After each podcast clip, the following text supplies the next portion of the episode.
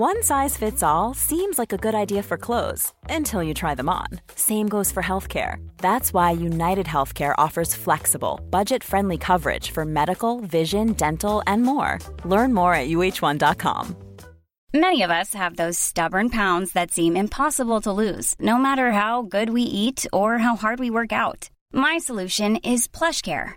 PlushCare is a leading telehealth provider with doctors who are there for you day and night to partner with you in your weight loss journey. They can prescribe FDA-approved weight loss medications like Wagovi and Zepbound for those who qualify. Plus, they accept most insurance plans. To get started, visit plushcare.com slash weight loss. That's plushcare.com slash weight loss. Quality sleep is essential. That's why the Sleep Number Smart Bed is designed for your ever-evolving sleep needs. Need a bed that's firmer or softer on either side? Helps you sleep at a comfortable temperature? Sleep Number Smart Beds let you individualize your comfort so you sleep better together. JD Power ranks Sleep Number number 1 in customer satisfaction with mattresses purchased in-store. And now, save 50% on the Sleep Number limited edition Smart Bed for a limited time. For JD Power 2023 award information, visit jdpower.com/awards. Only at a Sleep Number store or sleepnumber.com. Gjenklang. I løpet av få år på 90-tallet hadde Bandidos og Hells Angels havna i en dødelig konflikt. MC-krigen bar med seg eksplosjoner, skyting på åpen gate og bombeangrepet i Drammen. Disse satans drapsmenn må tas, tordna det fra daværende statsminister Torbjørn Jagland en junidag i 1997. Bildene fra Drammen så ut som de var henta fra et krigsherja land. Det til da største bombeangrepet i norsk fredstid hadde funnet sted. Nå skulle menneskejakten begynne. Politiet skulle gi disse satans drapsmennene et ansikt. Trodde de.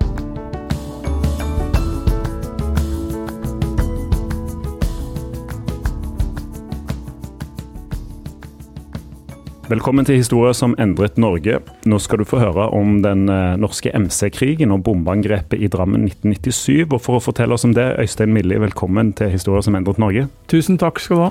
Du har gjennom 25 år dekka de største krimsakene i nyere norsk historie. I dag jobber du som krimkommentator i VG, er det korrekt? Og Eh, tittel? Det stemmer, det stemmer. Mange kjenner deg jo sikkert igjen fra Krimpodden, og du har òg gitt ut tidligere Ordre, avhørende løgnene og de nye sporene. Og i høst så kommer du med boka 'Dødelig brorskap', den norske MC-krigen. Gratulerer med en veldig fin bok. Tusen takk. Hvordan har det vært å, å, å jobbe med denne boka, og når starta du? Ja, eh, det siste først. Jeg starta for eh, ja, to og et halvt år siden eh, ordentlig, og så har jeg jobba med den saken her tilbake igjen i ja, jeg dekte rettssakene. Jeg begynte i VG da rett før rettssakene, eller rett før gjennombruddet kom. For det kan vi komme tilbake igjen til. Det var jo en langtekkelig etterforskning. Eh, Og det var jo en dødperiode der før man eh, begynte å jobbe med saken på nytt fire år etter at eh, bombeangrepet skjedde, og så ble det en oppklaring. Og jeg kom da til VG i januar-februar 2001. Begynte da med en gang å dekke Orderud-saken, som du var innom. Eh, og så var den eh, første runden ferdig til sommeren, og når jeg kom tilbake fra sommerferie, så begynte politiet eh, å plukke inn eh, folk eh, fra eh, et motorsykkelmiljø, et eh, Hells Angels-miljø. Eh, Sikta for å ha stått bak den bomba i Drammen. Og Det var jo veldig overraskende på det tidspunktet, fordi at, eh, fordi at eh, man trodde at saken var lagt bort, og det var den i realiteten også. Jeg kan jo komme tilbake til det også, men, men da, da var min interesse for den saken eh, et frø var sådd, eh, og så lå det der, og jeg har hørt både dekka rettssaken, jeg har hørt masse behind the scenes opp gjennom årene fra diverse hold, og så under covid-perioden så som du sier, så ga jeg ut ordreboka i 2000, eller 2020. Den kom eh, da den høsten, første covid-høsten. Og så var jeg veldig bestemt for ikke å skrive noen flere bøker, men så begynte jeg å begynte den der knollen også eh, røre på seg. Så det var litt sånn kjedelig den covid-perioden, og så begynte jeg da med den boka her. eh, Og har holdt på med den da ja, jeg begynte vel i vinteren 2021, eh, og så kom den ut nå, da. Ja, så noe, noe bra kom ut av covid òg. Men eh, hvis vi skal prøve å sette litt sånn tilbake igjen i tid, og så finne ut hvorfor i all verden var det i utgangspunktet en MC-krig i Norge?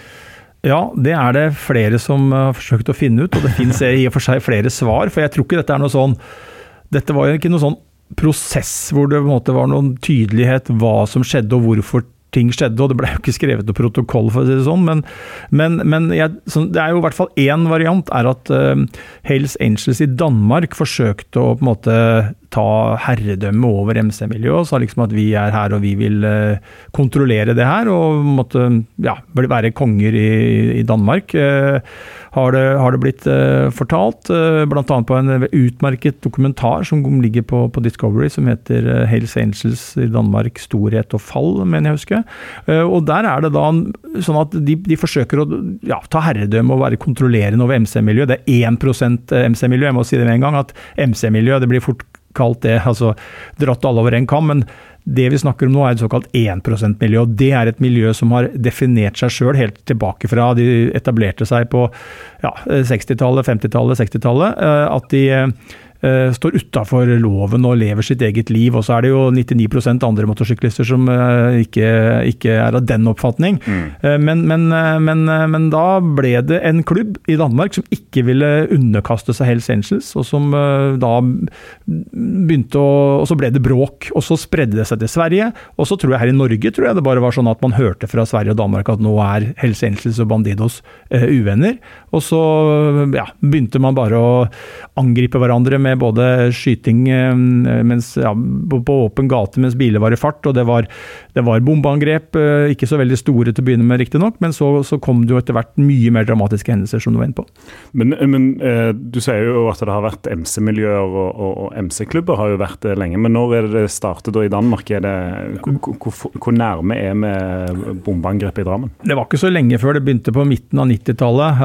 94-95 så, så, så, begynte det, og så eskalerte det, jo. Det var jo en, det var jo en det er kanskje vanskelig å forestille seg nå, men det var jo en, var en helt vanvittig eh, periode. Eh, det endte jo med 14 menneskeliv som gikk tapt i Norden. Mm. Eller ja, Sverige, Danmark, eh, Finland og Norge. Og to, i hvert fall to av de som døde, én i Danmark da, og, og eh, i, i, Drammen, var jo helt tilfeldige kvinner som, eh, som bare ramla borti uh, MC-krigen ved at de var på feil sted til feil tid, helt tilfeldig. Hadde ingenting med MC-miljøet å gjøre. Så det var, og det var jo uh, ikke noe hyggelig å være MC-medlem heller. Jeg har snakka med flere av de som sto i dette her uh, nå under arbeidet med boka. og, og jeg tror ingen ønska den krigen. Altså det, husk på, dette er jo folk som, selv om du tilhører Bandidos eller om du tilhører Hells Angels, så deler du den samme fascinasjonen, den samme gleden, den samme synet på da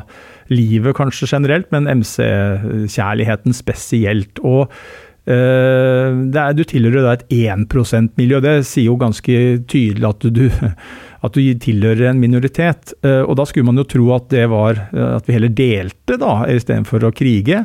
Og, det var det man egentlig ønska også, og etter hvert så, så krigen jo tok jo slutt en gang, og da var det jo nettopp det som var årsaken. at Eh, de høye herrer begynte vel egentlig i USA. Eh, liksom fikk bekymrende telefoner fra Norden og beskjed om at nå er det ville tilstander. og vi, vi er i ferd med å bli eh, liksom, samfunnsfiende nummer Det hadde blitt også samfunnsfiende nummer én. Du fortalte hva statsministeren i Norge sa etter det angrepet i 97, og Oslo-politiet rykka ut flere ganger, og man måtte bevilge ekstra jeg tror jeg, flere millioner kroner i Danmark for å bekjempe dette her. Så, så det, det, ble veldig slitsomt å være MC-medlem også, fordi at du pådro deg så mye negativ oppmerksomhet. Eh, og, og til slutt da, så, så, så, begynte, så ble jo det da etter hvert eh, også slutten på det. Så, så den MC-perioden, den, eh, den ser tilbake igjen på det, så er det jo helt sånn Eh, ja, helt utrolig at det kunne gå an, og, at det gikk så langt. Er det et nordisk fenomen, da? Eller hvordan er situasjonen i, USA og resten av verden? Ja, I hovedsak så var det et nordisk fenomen. Det var i ferd med å spre seg ut av Norden og videre i Europa. Men, men, eh, men, eh, men da kom man da i retning av at, at det ble fred, så det, det, gikk aldri så langt. Og det var noe av bekymringen som gjorde at man eh, satte seg ned på høyeste hold og, og beordra at dette skulle stoppes. Eh, for det MC-miljøet er jo veldig sånn hierarkisk eh, oppbygd, sånn at du, du, hører på den som har høyere stjerne enn deg, og en klubb som har høyere rang av deg, den, ja. den lytter du til. Sånn at når det kommer beskjed da fra noen presidenter i USA om at nå er det slått, slutt, så, øh, så, så er, det, er, det, slutt. Og det var jo ironisk nok så var jo det noe av, noe av det som Bandidos i, i, Drammen var veldig overraska over, var jo at dette angrepet kom. fordi at de hadde vel hørt nyss om at det var fred på gang. Uh, og, og, han ene Bandidos-lederen sa vel at uh, sa nettopp det i avhør, og så fortalte han i tillegg at uh, Men du kan jo aldri gardere deg mot at en klovn eller en sånn som ikke skjønner at nå er det andre tider, dukker opp. da. så han var veldig overraska over at de ble angrepet. Og så tror jeg de som gjennomførte angrepet, de hadde ikke hørt noe om at det var på vei til å bli fred, og det mm. var jo sånn sett veldig synd da, at ikke den beskjeden nådde frem, for da hadde vi sannsynligvis ikke det forferdelige angrepet i Drabben skjedd. Er denne gjengen her en folkefiende nummer én før bombingen òg? Hvor, hvor eh, berykta var de? Var, de har jo spilt litt på frykt og har jo liksom ønska litt det? Ja øh, og nei, jeg på å si. Altså, mm. de, på, de, de, har jo, ikke sant, de ser jo kanskje fryktinngytende ut for en del, og det er jo sånn at politiet mener de står bak en del kriminalitet. Øh, Eh, ja, både vold og narkotika og eh, andre ting. Eh, og at de har befatning med våpen osv. Og, så og, og, og det var jo sånn at man hadde jo bygd seg en slags sånn festningslignende klubbhus. Mm. Annet i Lillestrøm, husker jeg, som jeg da jobba i, så var det jo en nede i Storgata var det en klubb som hadde et med høye gjerder og kamera. Da var jo kameraovervåkning ganske nytt, faktisk. Ja. Så var ikke alle som hadde det, så Nei. det var litt sånn spesielt. Også, ja. Og kanskje liksom litt sånn eh, ja, det var litt sånn uh, Man hadde nok behov for å vise fram at vi er litt tøffe. Uh, her, kommer, her, kommer, vi, og så men, men, men, på det tidspunktet så var det ikke noe fare for allmennheten. Eh, det var det jo MC-krigen som brakte med seg. fordi at selv om ingen av verken Bandidos eller Hells Angels hadde noe mål om å skade utenforstående i utgangspunktet, så, så ble krigen så voldsom og ukontrollert at det viste seg jo at det også, også kunne skje. Også, uh, også, men så var samtidig, sånn som i Danmark, så, og det var jo ironisk nok en av de som var på den festen som døde, der hadde man jo noe som het en vikingfest, øh, hvor man åpna opp for naboer, og ja, alle kunne komme inn og være på en fest. da. Ja, og man hadde også sånne åpne dager og viste, så man, man drev både med litt sånn ja. eh, imagebygging, eh, merkevarebygging, og samtidig så hadde man denne liksom, litt sånn røffe stilen som gjorde at nok noen eh, var litt engstelige for dem. Men, men, det var jo faktisk sånn at den ene festdeltakeren i Danmark uh, som var en småbarnsmor som bodde i nabolaget, hun døde jo da uh, i en sånn åpen fest. Uh, og det var jo, bare for å ta det også, det er jo, det er jo, det er jo, et, det er jo et, hav av dramatiske historier og ja, merkelige omstendigheter og tragiske skjebner i, i, det landskapet her. Men det som var situasjonen da, når den festen fant sted, var jo at dansk politi visste at det var fare for angrep. Ja. Så det å sperre av eh, liksom hele området rundt, og sto da nærmest en jernring på bakken. Eh, og passa på, da, sånn at festen skulle ikke angripes av noen fra Bandidos. Så var det sånn at det var, eh, hadde vært et stort våpentyveri i Sverige, hvor bl.a. en del panservernraketter var stjålet. Og øh, noen hadde, i Bandidos hadde da klekka ut en plan øh, om at de skulle kom, ta seg på et hustak øh, i nærheten og så da avfyre en uh, panservernrakett mot denne festen.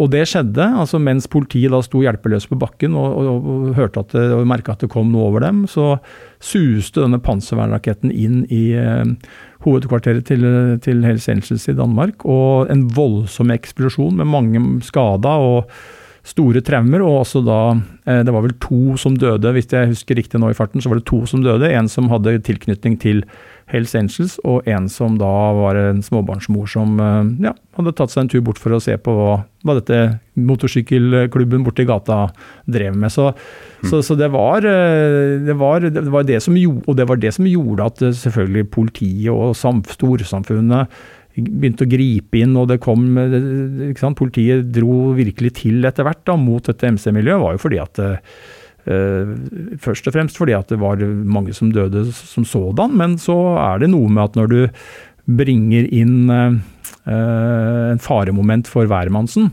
så, så blir det jo hakket mer alvorlig. De to grupperingene, hvor like er de og hvor ulike er de? Hva er det som skiller de? Ikke mye som skiller de. Det er veldig likt organisert, eh, og det har likt tankesett som er innom. og Uh, og det er jo noe av det som liksom, gjorde det sånn dypest sett helt ja, veldig vanskelig å forstå hvorfor de skulle begynne å uh, ta livet av hverandre. Og det var jo folk som gikk mellom de to klubbene også, og det var jo noe av grunnen til at uh, på å si, det ble ekstra farlig for noen. Fordi ja. at det var folk som uh, hoppa av uh, av en eller annen grunn. Det, det kunne være bagateller. Du røk uklar med en, du fikk ikke den posisjonen du ville. Et eller annet som gjorde at du ble litt sur. Og da kunne du hoppe fra den ene til den andre klubben, og da ble det jo et ekstra eh, mål, da. Eh, og det er jo flere av de som døde som faktisk hadde tatt eh, den eh, Vært i, innom begge, veier, begge steder. Så, det, så liksom det blir litt sånn eh, eh, Det blir litt sånn merkelig at man da som jeg var inne på, man er, helt, man er ganske like i både ja, tankegang og livssituasjon og man bygger, man bygger klubbhus, og man har uh, forskjellige grader i klubbene seg imellom. Man har forskjellige grader internt i klubben. Uh, og alle kjører Harley Davidson, og alle har skinnklær, og alle ja, uh, har et sånt mannefellesskap da, som dette er. og så Samtidig så begynte man da å finne ut at vi skal liksom bli hverandres verste fiende. og det, det, det er fortsatt rart at man lot det gå så langt. Ja, jeg forstår det jo ikke, så prøver jeg å bore litt i deg for å se om du forstår det. Men så opplever jeg at heller ikke du heller helt forstår hvorfor det oppstår. Altså hvis det hadde vært en politisk overbevisning, at det hadde vært en motsetning, at det er noe som eh, Om religion hadde vært en del av det, eller om det hadde vært en geografisk tilknytning. Men det er jo ikke det heller. Nei, og det er jo en sånn det er en sånn situasjon som du kan kjenne igjen fra på en måte mindre sammenhenger hvor det oppstår en konflikt, og så tar det ene det andre. ikke sant? Ja. Bare at Her utspant det seg over lang tid, og, og når det gjør det, så man kan jo sammenligne det øh, uten egentlig sammenligning for øvrig. Om det oppstår en sånn voldsom krangel, så vil jo fort det ene ta det andre. Det er jo en krangel som pågår kanskje i noen minutter eller maks en halvtime eller en time, og så roer det seg. Litt det samme her, bortsett fra at her var det et mye lengre tidsperspektiv. Og det var ingen som grep inn underveis og klarte å ta sette foten ned før det hadde gått veldig langt. Øh, ja. Men så var det det som, som skjedde, ikke sant. Sånn at, øh, men, men, men det var sånn, og det var en sånn Eh, tar du den, så tar jeg den. Ja. Eh, og, så, og, så, ble det jo da Og da skulle det neste hevne det tilbake igjen, og så var det å trappe opp kanskje og enda veien ja, tilbake igjen dit igjen. Og så var det en sånn pingpong-greie eh, hvor det gjorde at, eh, at angrepene kom annenhver gang nærmest eh, som hevn på det forrige, og så skulle da neste hevne det som hadde skjedd. Og så, og så gikk det over stag. Du beskriver at det var mange i miljøet som ble overraska over eh, bomben i Drammen, men jeg, politiet må vel òg ha vært eh, overraska når det smalt i, i, Drammen? Ja, det var uh, Jeg tror det er umulig å, å si, beskrive det sjokket og det de scenene, altså kongen var rysta, dronningen var rysta, eh, statsminister Jagland var rysta, justisminister Walla var rysta. Hele Norge var rysta. Man, fikk jo Dette skjedde klokka halv tolv, eller kvart på tolv om kvelden, så det var jo fort ute noen uh, ekstra nyhetssendinger, og det kom jo uh, på radio og etter hvert da i morgenavisene. og uh, jeg, jeg, tror ikke Altså, de bildene som man kan se fra Drammen, hvor det er krigsruiner og, og, og, flammer og røyk og liksom ordentlig sånn Det, det må tilbake igjen til liksom, av krigen for å ha mm. sett noe lignende. Så det var jo en sånn sjokk, et sånn nasjonalt sjokk over at det hadde gått så langt. Mange hadde jo fått med seg MC-krigen, og det var skrevet en del både i Dagbladet og VG, Aftenposten, riksavisene og litt på TV osv. Men det hadde ikke vært likevel Man hadde det drapet som jo Det var jo to, to, dødsfall, to drap i Norge. og Det ene var jo, det første skjedde jo på et år i forveien mot en Bandidos uh, fyr som het eh, Jan Face Krogh Jensen, eh, bare kalt for Face. Eh, han ble jo drept av snikskytter, på åpen gate eller på landeveien i Mjøndalen. Det, det, drapet hadde på en måte Det hadde vært alvorlige drapsforsøk på Fornebu i forkant også, her i, hvor det var bare tilfeldig at en, en fyr overlevde. men men, eh, men, men liksom så hadde man hatt det drapet, men fortsatt så var det jo i Norge sånn at eh, da var det jo eh, nok en del som så på at her var det to klubber som var farlige for hverandre. Mm. Men når, når Bandidos-bomba i Drammen gikk av, så, så var det liksom uh, ja, utafor alle mulige slags uh, tenkbare scenarioer som hadde inntruffet, og som, som gjorde at, uh, at, at, hele Norge ble rysta. Mm. Og de TV-bildene fra de ekstrasendingene, det er jo veldig spesielt å se i dag òg. Og så er det jo eh, er jo noe som du nevner, altså Kongen har uttalt at det liksom satt og så på disse bildene og, og, og beskriver det og husker det og drar fram det flere år etterpå. Um, visste man da at det var MC-krigen det var snakk om? Hva visste man når, eh, når, når det sto på? Ja, Mistanken eh, gikk direkte til eh, Hells Angels-miljøet. Det var uh, forskjellige teorier som ble lansert, i hvert fall i pressen, men hos politiet så er det jo i dokumentene, og jeg har jo hatt innsyn i alt av etterforskningsdokumenter og gått gjennom eh, rubbel og rake da i forbindelse med boka. 25 000 dokumenter, leste jeg? Ja, det er ca. det. altså både den da, og Jeg har jo sett både på den og den drapssaken i, i Nedre Eiker på, det, på han Face. Ja. Uh, så det er veldig mye materiale. Men, men, men, det er ikke tvil om at politiet med en gang mistenkte Hells Angels. Man reiste bl.a. hjem til en sentral fyr i Hells Angels på natta for å sjekke om han var hjemme. En ja. av de ledende figurene der. Eh, så, så, så, men, men, så, viste det seg jo veldig vanskelig å komme noen vei. ikke sant? Politiet starta en etterforskning, og det man, det man liksom fikk som et sånt hovedspor, det var at man klarte å identifisere den bombebilen som hadde blitt kjørt inn, for det var sånn det angrepet skjedde, bare for å ta det. Ja. Eh, så var det jo en, en, en bil og dette hadde Bandidos Det så vi jo flere i Bandidos-huset, og at de overlevde og ikke ble skada, mer enn de gjorde. Lettere skade var det, var det, mest alvorlige. Det er helt utrolig, for det mm. huset det blei blåst i lufta. Uh, og det er jo forklart fra han ene som hadde lagt seg for å sove, at han, han hørte liksom en lyd, og så merka han bare at alt uh, forsvant. Og, han, og dette er, høres ut som en sånn tegnefilm, liksom, men han, han datt i senga, én etasje rett ned, og ja. landa da i etasjen Altså gulvet i annen etasje ble blåst vekk, og senga hans med han oppi datt rett ned, og landa da eh, i første etasje. Eh, og kom seg, han kom seg jo da etter hvert ut sammen med de andre. Men det de hadde opplevd før, rett før det smalt, var at de hørte en bil som kom kjørende inn og parkerte i portrommet, eh, og at eh, det lukka igjen noen dører. Og så Uh, hadde også en prøvd å komme seg ut, for en som drev og rydda noe søppel akkurat når det skjedde, og han fikk ikke opp døra. Uh, så han hadde en sånn, Men så var det en sånn luke du kunne titte ut av, en sånn kikkeluke i, i, i en døra. og Han tok opp den og så ut, og da så han rett i grillen på en Volkswagen Transporter. Mm. En rød Volkswagen Transporter. Og det var også vitner som hadde sett eh, denne bilen uh, rett før det smalt. Sånn at politiet hadde veldig fort et begrep om at denne bilen, en, av hvilken type bil det var. Og da begynte man å jakte på den. Det var falske skilter på den, men man fant jo da serienummeret på bilen.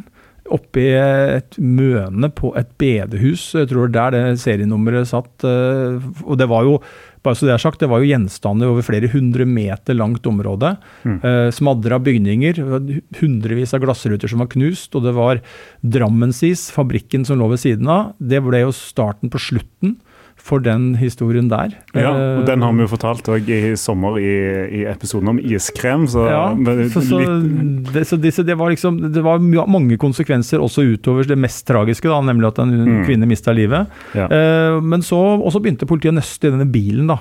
Og så fant man jo, og det er jo en fascinerende historie i seg sjøl, for der følger man da denne bilen gjennom et sånt mangeslungent miljø. Man man starta med at den var, så, var stjålet av en TV-reparatør nede i Tønsberg, og så var det en vanekriminell som hadde tatt den og stjålet noe hvitevarer på veien og kjørt til Oslo. Overlevert den til et ja, det vi kan kalle et amfetamin-narkotikamiljø her. Uh, og så hadde den blitt parkert da, den var jo kjørt sånn skrutrekkerkjørt. Uh, og så hadde den blitt parkert i en bakgate oppe i Torshovdalen. Og så var det en fyr som drev og jobba som snekker for disse herre uh, amfetaminselgerne der. Og han hadde da sett sitt snitt til å ta denne bilen, og så hadde han kjørt av gårde med den.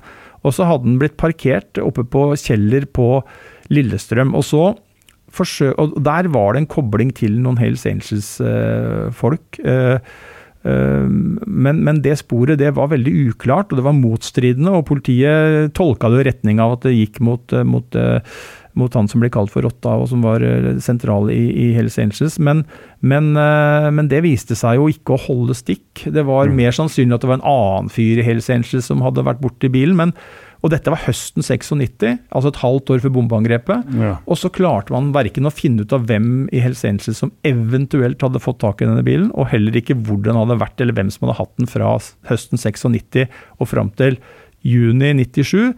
Man pågrep jo to stykker, da, bl.a. Rotta og en annen en. eh, Men eh, mistanken mot dem den bare smuldra hen i løpet av høsten der. Og da, eh, når vi kom inn i 98, så pakka politiet ned saken, til tross for at statsministeren hadde liksom beordra at disse satans eh, drapsmenn skal eh, tas. Ja. Så, så var det ikke flere spor å følge, og man måtte bare legge saken ned. Og så lå den da eh, død, mer eller mindre, fra eh, høsten, i hvert fall høsten 98, så var det beskjed fra politiet i Drammen eh, i mediene om at nå trapper vi ned. Men, men hvorfor gjør de det? Hva er det de forklarer det med? Nei, ikke noe, har ikke noe mer å gå på. Ja. Mye, altså man, husk på dette motorsykkelmiljøet. Det var en ting som kjennetegna det. Det var at de var ekstremt, og er fortsatt, ekstremt lukka. Ja. Det er ingen som, og det kom til syne bl.a. under rettssaker hvor det var eh, folk som var tiltalt for å ha skutt på eh, motstanderen, fienden.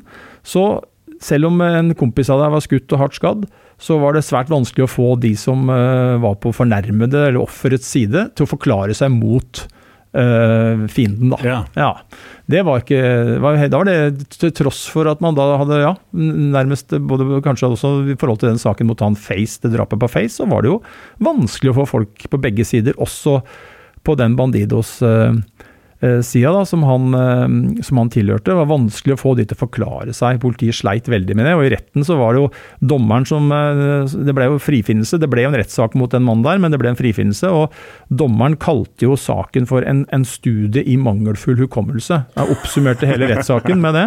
og folk kom inn i vitneboksen og visste Hadde ingenting å Husk, og hadde de forklart seg for politiet, så trakk de det. Og, og på en måte, ja, det var umulig, og ingen, de visste knapt når de var født. da Ja. uh, i vitneboksen. Så det var på en måte så statsadvokat Nikolaisen han tror jeg var ganske oppgitt etter hvert eh, der.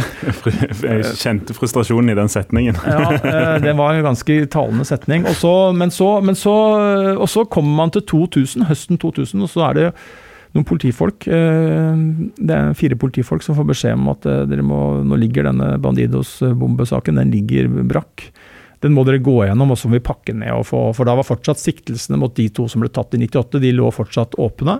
Eh, Men man var da ute etter å forsøke å eh, få pakka ned saken, legge den vekk. uh, og, og, ja, uh, få den ut av systemet. Ja. Disse politifolka hadde ikke så veldig lyst til det. Nei. Nei. De hadde egentlig lyst til å prøve det som virka å være umulig. Nemlig å oppklare det her. Trenge inn i dette lukkede MC-miljøet og, og få røyka ut hvem det var som sto bak. Jeg leste et navn. Eirik Jensen. Ja. Han var med i, eh, han var med i, eh, i en viktig rådgiver. Han var ikke med i selve etterforskningsgruppa, men de som jobba i den gruppa, eh, og andre som jobba etter hvert, for det, den saken ble jo etter hvert mye større etter hvert som han fikk spor, har jo fortalt at Så jeg har fått høre av, de, av folk som jobba med saken, at, at Eirik Jensen var en viktig rådgiver, bl.a. når man etter hvert iverksatte en spektakulær undercover-aksjon. Så var Eirik Jensen en viktig, viktig brikke, fordi at han hadde kontakter i utlandet, og det var jo det man etter hvert måtte hente inn, da, utenlandske undercover-agenter fra Sverige som, som kledde seg ut som Hells Angels-medlemmer, og som skulle infiltrere da eh, et motorsykkelmiljø på Hamar, en Hells Angels-vennlig klubb som het Screwdrivers. Eh, Så, så han, var, eh, han var involvert der eh, sammen med da mange andre, både fra Kripos og fra politiet Drammen. A lot can happen in three years, like a chatbot may be your new best friend. But what won't change? Needing health insurance. United Healthcare Tri Term Medical Plans, underwritten by Golden Rule Insurance Company, offer flexible, budget friendly coverage that lasts nearly three years in some states. Learn more at uh1.com. Hey, it's Ryan Reynolds, and I'm here with Keith, co star of my upcoming film, If, only in theaters, May 17th. Do you want to tell people the big news? All right, I'll do it. Sign up now and you'll get unlimited for $15 a month and six months of Paramount Plus Essential Plan on us. Mintmobile.com slash switch. Upfront payment of $45 equivalent to $15 per month. Unlimited over 40 gigabytes per month. Face lower speeds. Videos at 480p. Active Mint customers by 531.24 get six months of Paramount Plus Essential Plan. Auto renews after six months. Offer ends May 31st, 2024. Separate Paramount Plus registration required. Terms and conditions apply if rated PG. Quality sleep is essential. That's why the Sleep Number Smart Bed is designed for your ever evolving sleep needs. Need a bed that's firmer or softer on either side? Helps you sleep at a comfortable temperature? Sleep Number Smart Beds let you individualize your comfort so you sleep better together. JD Power ranks Sleep Number number 1 in customer satisfaction with mattresses purchased in-store. And now, save 50% on the Sleep Number limited edition Smart Bed for a limited time. For JD Power 2023 award information, visit jdpower.com/awards. Only at a Sleep Number store or sleepnumber.com. Men hvordan er hendelsesforløpet fra politiet legger det i en skuff da, til, til at de tar han opp igjen? Nei, de begynner jo å kikke på hva som ligger i uh, materialet. Uh, og der ser de bl.a. at det var en FS-registrert bil som ble sett kjørende ut og vekk fra Drammen når dette skjedde. Eh, og det var to ting ved det som var spesielt. Det ene var jo at eh, det, man så visste jo at de fleste andre strømma til for å se hva var det som skjedde, som, eller Ja. frøys til. Og, og måte, det var ingen som flykta vekk sånn. Eh, altså De nærmeste gjorde jo det, selvfølgelig, men, men, men det var jo, dette bilen sto et stykke unna, og den ble sett i høy fart ut av Drammen. Ja. Og Det var den eneste observasjonen man hadde av en bil som liksom kunne se ut som stakk av. da. Uh, og det og så så man, og FS-registrert, det betyr at den bilen var registrert på Hamar i Hamar-området. Eh, og så viste det seg at eh, politiet hadde gjort en, eh, i hvert fall én tabbe når de etterforska saken i første fase. De hadde glemt å alibisjekke De alibisjekka veldig mange Hells Angels-vennlige klubber, men denne, denne Screwdrivers-gjengen eh, på Hamar, de hadde man ikke sjekka. Nei. Eh, og så eh, fikk man også eh, Det begynte å sive ut informasjon fra miljøet. Eh, hadde gjort det, og, og det tilfløt også politiet etter hvert. Det var jo sånn at dette Uh, dette var jo en uh, forferdelig hemmelighet å gå og bære på. Eh, og, og jeg eh, har min, min oppfatning er at politiet fikk At noen hviska politiet i øret, øret hvilken retning de skulle.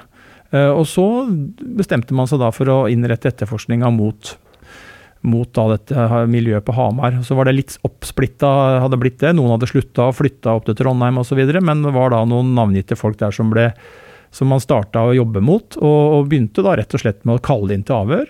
Uh, bare for å vise frem at nå er, vi her på, nå er politiet på saken her, og kalte flere av de inn på avhør, bl.a. de som de trodde sto bak. Og begynte å avhøre dem om alibi, hva de gjorde, og, og begynte å røre i den gryta. Uh, og så gjorde de ganske mange forskjellige ting, uh, og, og brukte brukte mange metoder, og som vel det står i et internt notat som oppsummerer den aksjonen, så var det sånn, eh, jeg tror det står noe sånt som at eh, pågangsmot og kreativiteten var stor. Vi forsøkte mye, noe var var vellykka, og noe var ikke så vellykka. Eh, og det som, jo, det som jo var kan jo ta en litt morsom historie oppi den tragedien. tragedien det er jo eh, På et tidspunkt eh, så eh, bestemte politiet seg, som jeg var inne på, for å bruke undercover-agenter. Ja. Og det er altså da, eh, for den som ikke vet det, så er det politifolk som eh, utgir seg for å være noen andre, og som da eh, har som mål å gå inn i et miljø eller nærme seg en navngitt person, og forsøke å skaffe bevis for at vedkommende er skyldig eller ikke skyldig. Metode som brukes mer i dag enn da. Da var den ganske ny. Ja. Veldig ny. Så Derfor så hadde man litt sånn, det var derfor bl.a. da eh, Jensen blei rådført, da, for han hadde vært i utlandet og hadde en del kunnskap om dette.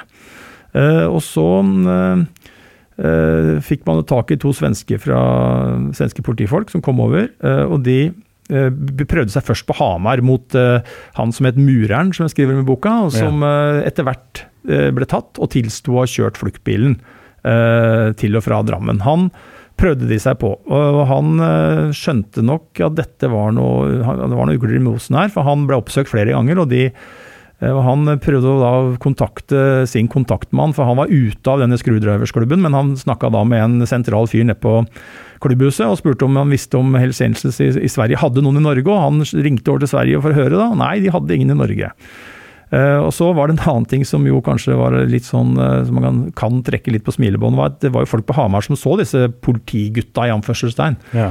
Men, eh, men, det de også så, var at disse svenskene de kjørte en leiebil fra Drammen. eh, og det var det noen som tenkte at det, Og da var det jo man litt sånn Er dette, er dette Hells Angels-folk, eller er dette politifolk? Og det er klart at når du kommer med leiebil i Drammen, dere blir sett på Hamar, så, som er var en gjennomsiktig by på den tida, i hvert fall, så, så blei det litt sånn Uh, ja, Man fikk, kom ikke noen vei der. Men så reiste jo da disse undercover-agentene opp til Trondheim og prøvde seg på, på han som het Jom-Jom. Uh, og og, og det ble jo et av, et av gjennombruddene. Og så skal det sies at da hadde politiet ganske mange bevis. Uh, de hadde også gjennomført en, en spaningsoperasjon hvor to politifolk lå og lytta til en samtale mellom denne Jom-Jom og en annen fyr. Eh, og da lå de nærmest, eh, ja, de lå nærmest oppå disse to som satt og prata sammen ute. Og hadde kledd på seg noe kamuflasjeklær og hadde stifta ansiktet sitt, hendene sine, og hadde med seg en sånn jaktnetting. Og, og lå da to meter unna disse motorsykkelfolka som satt og prata, og som etter hvert begynte å snakke om saken. De ja. snakka bl.a. om å ha fått med deg ordredommen, der ble folk dømt for medvirkning. og Dette var ja. noe, å snakke om hvem som var det svake punktet i motorsykkelmiljøet osv. De snakka de snakka om snakka seg, eller snakka miljøet, da, og inn i, inn i saken. Så, så det, var en, det, var en, veldig spesiell politioperasjon. Og det var også sånn at de eh, etter hvert som de da fikk eh, liksom en sånn eh, hunch på at de kanskje kunne komme noe vei i Trondheim med, med den Jom-Jom, da, så, så begynte jo uh, disse politifolka, som hadde, var to politifolk som hadde ansvaret for å, for å måte, jobbe der oppe, og de begynte jo da å stresse han veldig ja. med at de dukka opp overalt hvor han uh, kom. Og de hadde jo uh, sannsynligvis telefonavlytting, så de visste jo hele tida hvor hva folk skulle og hvor de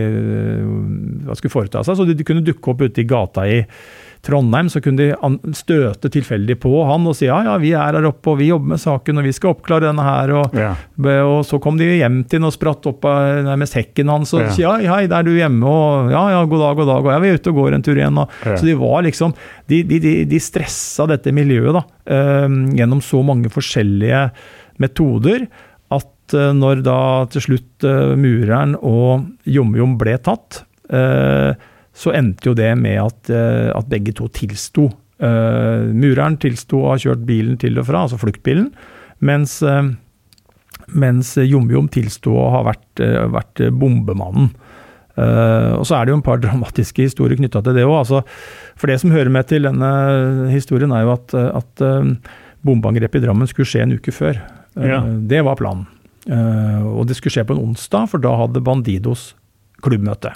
Planen var å sprenge et hull i veggen for å Og det høres kanskje rart ut, men apropos fred, da, så var liksom planen med at nå skulle de eh, skremme Bandidos til forhandlingsbordet.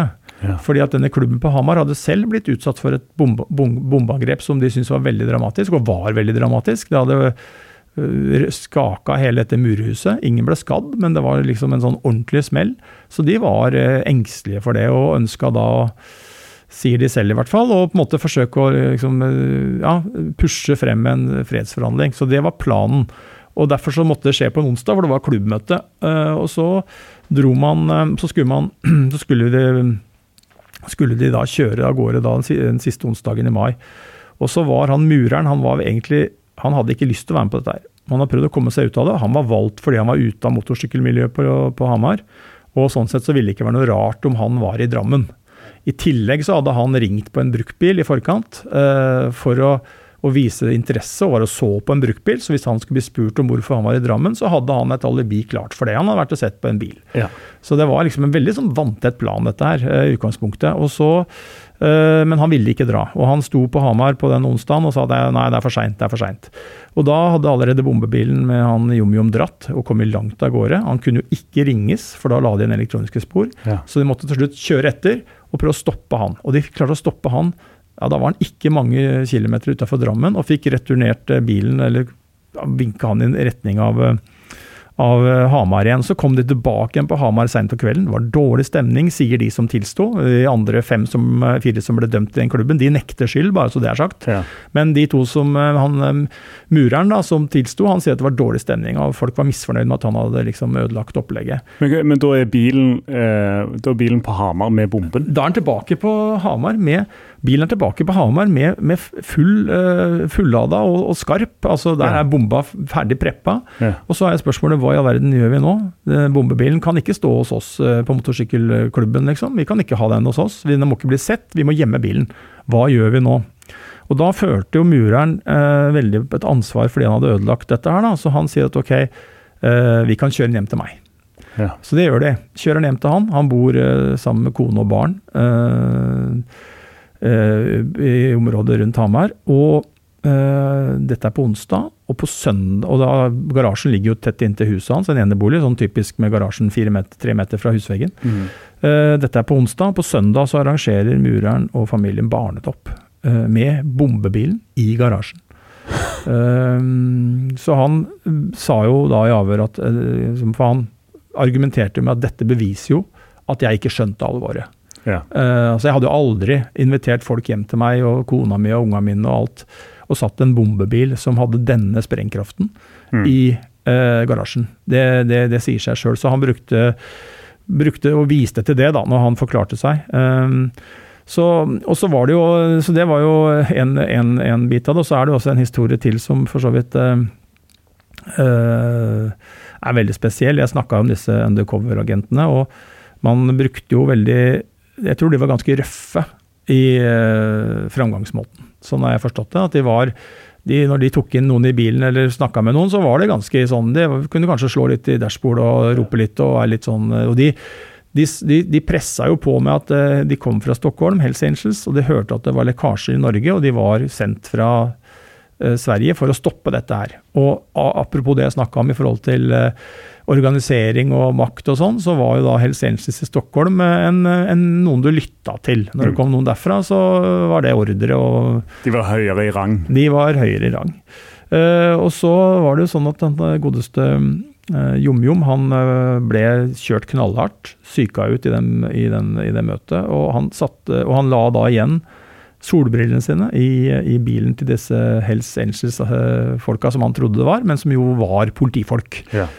Eh, og det tenkte ikke han noe mer over, så han dro ut derfra og var jo bare glad for å komme ut av den bilen. Um, og så gikk det jo noen måneder, dette var før sommeren, og så etter sommeren så ble han pågrepet. Og han ble pågrepet på en, på en fredag. Eh, det var sånn politiet gjorde det på den tida. Ofte. De pågrep på fredager, for da kunne de jobbe gjennom hele helga før de måtte i retten på mandag Ja. med mist, få prøvd mistanken for en dommer. Eh, han ble tatt på en fredag, og de prøvde å skulle avhøre, og han nekta å, å la seg avhøre. Bare bare sto steilt imot. Og det ble lørdag. Han sto steilt imot, og det ble søndag. Og det var stillingskrig, han var ikke villig til å snakke. Eh, Og så kom søndag ettermiddag, og så er det han som avhører han, en som heter Sven Åge Rønning, som sitter på kontoret sånn som vi sitter nå, overfor hverandre, på et uh, avhørsrom oppe i politihuset i Trondheim. Eh, og så, eh, når det står helt bom fast, så lener eh, Rønning seg tilbake igjen. og så har han i hylla så har han et par solbriller. Og de solbrillene de tar han frem, og så kikker han på dem, og holder dem i hånda si. og Så setter han dem på panna, og så ser han over på han som er sikta. Så går det noen sekunder, og så skjønner jo eh, Jom-Jom da, hva det er som har skjedd.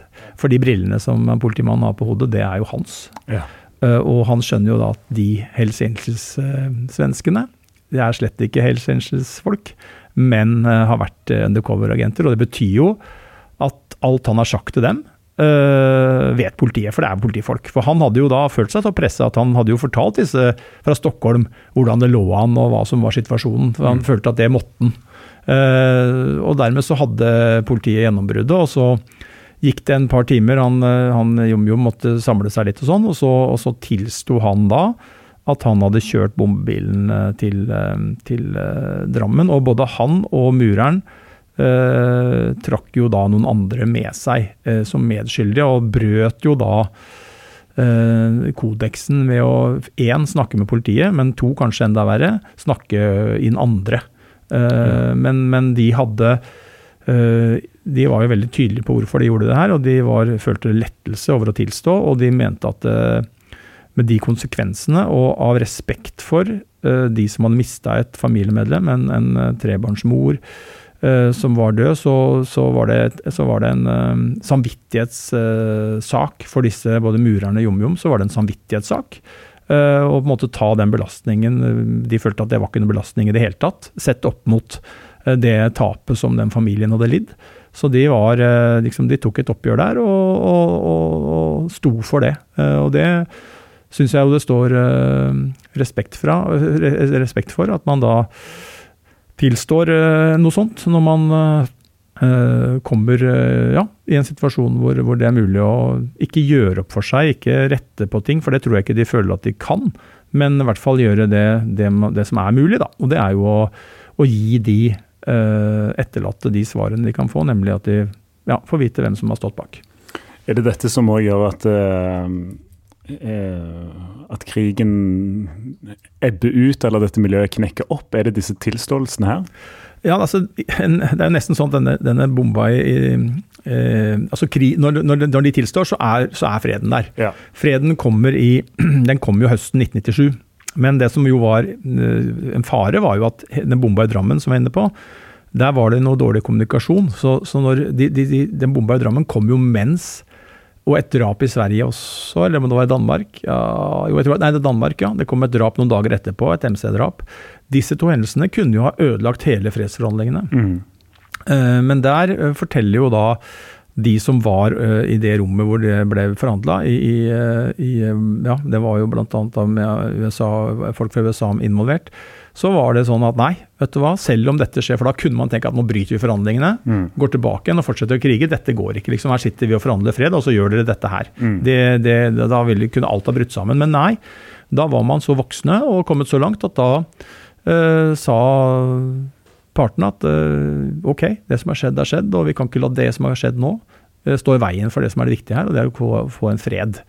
og da ble fredsavtalen undertegna i i Danmark i september 97. Eh, så når man kom til 2001, så var jo flere av de, flere av de som ble involvert eller som ble tatt inn i denne saken, eh, da var jo ute av MC-miljøet allerede. Og i dag så er jo de fleste av dem ute av MC-miljøet, de er jo godt voksne.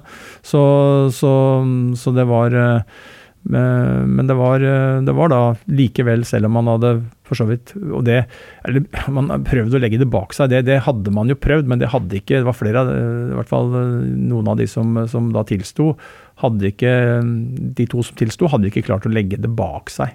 Det var mer sånn at uh, fra det Jom-Jom forklarte, så gikk han nærmest sånn bare å si, han var en sånn zombie. altså han mm. hørte jo, ingen, ingen, rundt ham i familie sånn, visste jo at han bar på den hemmeligheten.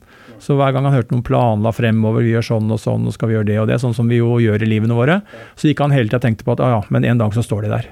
Ja. En dag så ble jeg innhenta, en dag så ble jeg tatt. Så han, han hadde gått i flere år og på en måte følt på en sånn ja, som var, Så han tror jeg følte at det å bli tatt var en lettelse, tross alt. Mm. Fordi at da kunne han på en måte fortelle som det var sone en straff. Eh, og, og, for så vidt uh, ut fra det som var virkeligheten og realiteten, at han hadde vært med på det her, starte uh, livet ut fra de forutsetningene istedenfor å gå og, og, skjule en sånn hemmelighet som, som jeg tror gnagde og gnagde og gnagde. Mm. Du beskriver jo at de på denne tiden ikke ville snakke så mye. Men bare, når du skriver denne boka, da, så har jo du òg snakket med dem. Har det vært uh, Hvordan er det å snakke om disse tingene i dag? Nei, jeg, Det må jeg jo være Der er det jo et kildevern, og jeg kan jo ikke si noe om hvem jeg har snakka med og hva vi har snakka om, men jeg har snakka med flere ja, i MC-miljøet, både som var involvert på, på, begge sider av, av, av denne konflikten. og uh, det er jo, det er jo altså, enighet om at dette var det er jo ingen som ønsker seg tilbake dit. Og alle jeg har snakka med, hvis de kunne skru tida tilbake igjen, så ville de jo ha hatt denne krigen ugjort. Eh, de så seg over skuldra, de satt døgnkontinuerlig vakt og kikka i en mm. TV-skjerm.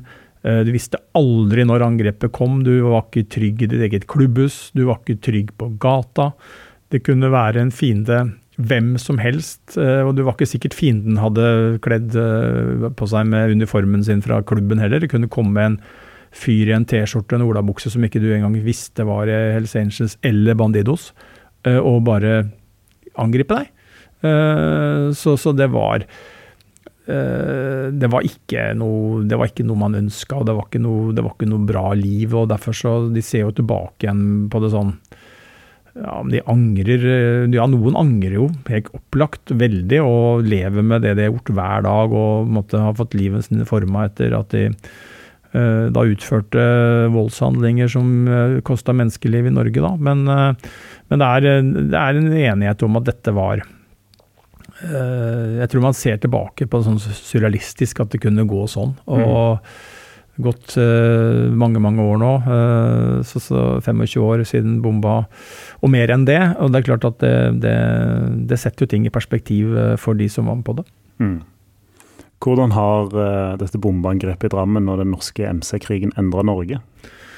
Nei, det var jo uskylden som ble liksom tatt i Norge på et vis. Man har jo Og, og, og det har jo vært, kan si, ikke gjengkonflikter bare, men altså kriminelle eh, vi kaller det gjenger eller gruppering, eller hva man kaller det, etterpå, som har vært eh, fremtredende. Ikke fordi det har slåss mot hverandre bare, men man fikk jo denne eh, og den er for så vidt gjeldende fortsatt, denne gjengkrigen som har vært i Oslo. Det var jo på en tidspunkt på slutten etter MC-bomba, og inn i 2000-tallet så var det denne A- og B-gjengen. Mm.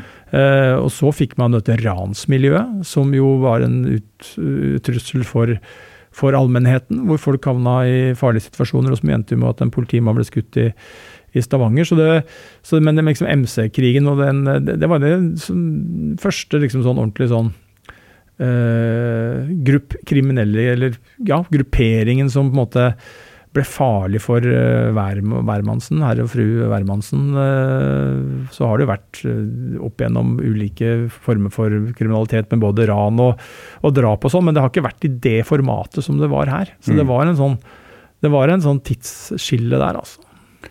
Og jeg ser for meg også kanskje politiets arbeid og politiets møte med, med den håndteringen av denne saken òg kanskje har preget de andre sakene som du, som du beskriver, som du òg har jobba med? da?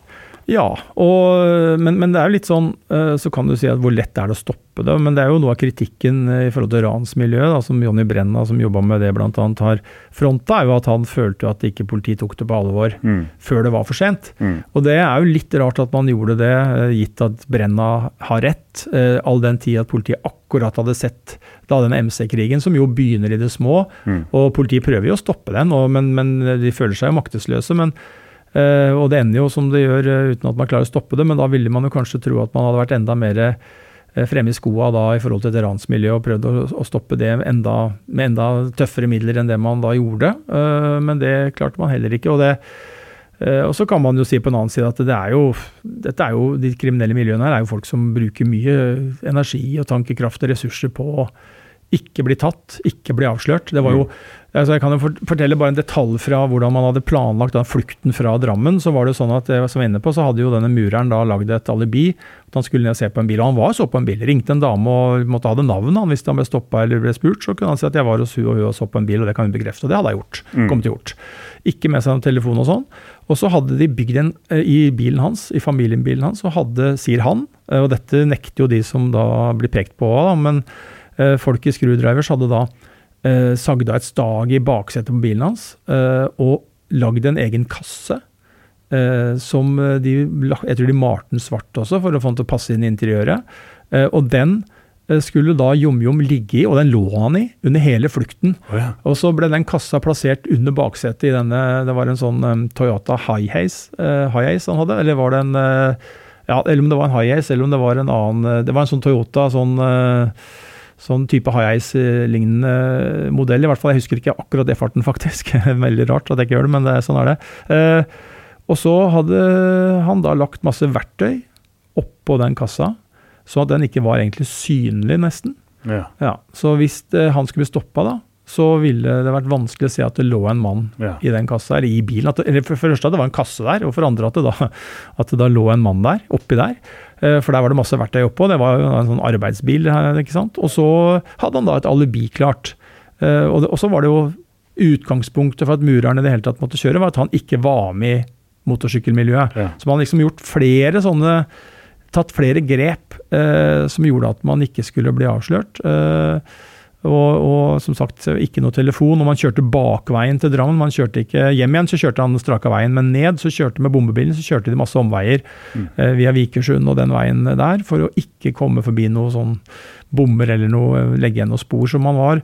Og, og det gjaldt, samme gjaldt jo ransmiljøet sin tid. ikke sant? Man, man visste jo at politiet hadde kommet til å prøve å avsløre dem, men, men eh, de øh, satte mye inn på å ikke legge igjen spor. da. Mm.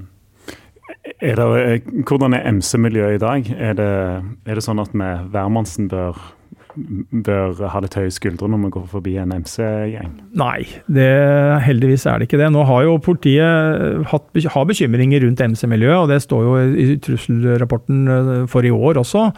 Eh, man hadde jo en rettsprosess hvor man ville forby MC-klubben Satudara. Som jo vel endte med at de ikke fikk det. og Så er jeg ikke farten sikker på om den er anka eller ikke anka, hvor den står, men, men, men politiet fikk ikke medhold.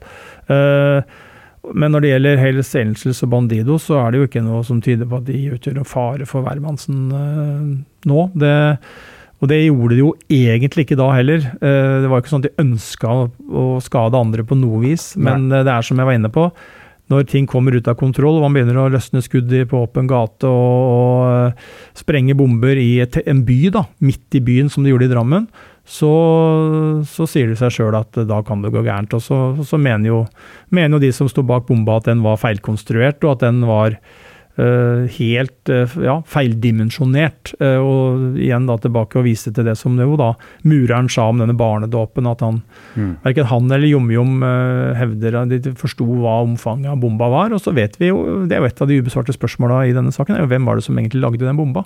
Ja. Det vet vi ikke. Så det er ikke sånn at man får alle svar nødvendigvis, selv om man får dømt noen. og så var det jo da Fem uh, som ble dømt som uh, hele veien uh, har nekta at de var involvert. Så, så, så, der endte jo den, den saken sånn rettsmessig, da. Men, men, det ble som sagt sju stykker som ble dømt til slutt. Mm. Øystein Mili, takk for at du tar deg tid til historie som endret eh, Norge i dag, og forteller om MC-krigen. Dødelig brorskap er ute, ute, nå, så er det en spennende høst for deg òg i, i Krimpodden. Mye, mye, å gjøre på, på, den vanlige jobben din, da. Det er eh, nok å drive med, så, og det syns jeg for så vidt er bra. Så det er bare å stå på. Tusen takk for at jeg fikk eh, komme hit. Det var veldig hyggelig.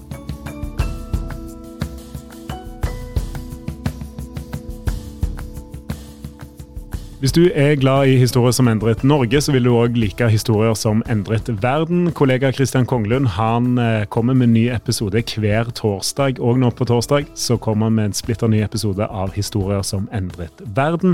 Ta og Sjekk ut eh, den. Du kan òg eh, følge oss i Historier som endret Norge på Instagram. Der legger vi ut bilder og videoer som er relatert til ukens episode. Der kan du òg komme i kontakt med meg om du har episodeønsker eller gjesteforslag. Ta og send meg en melding på Instagram. Historier som endret Norge. Gjenklang.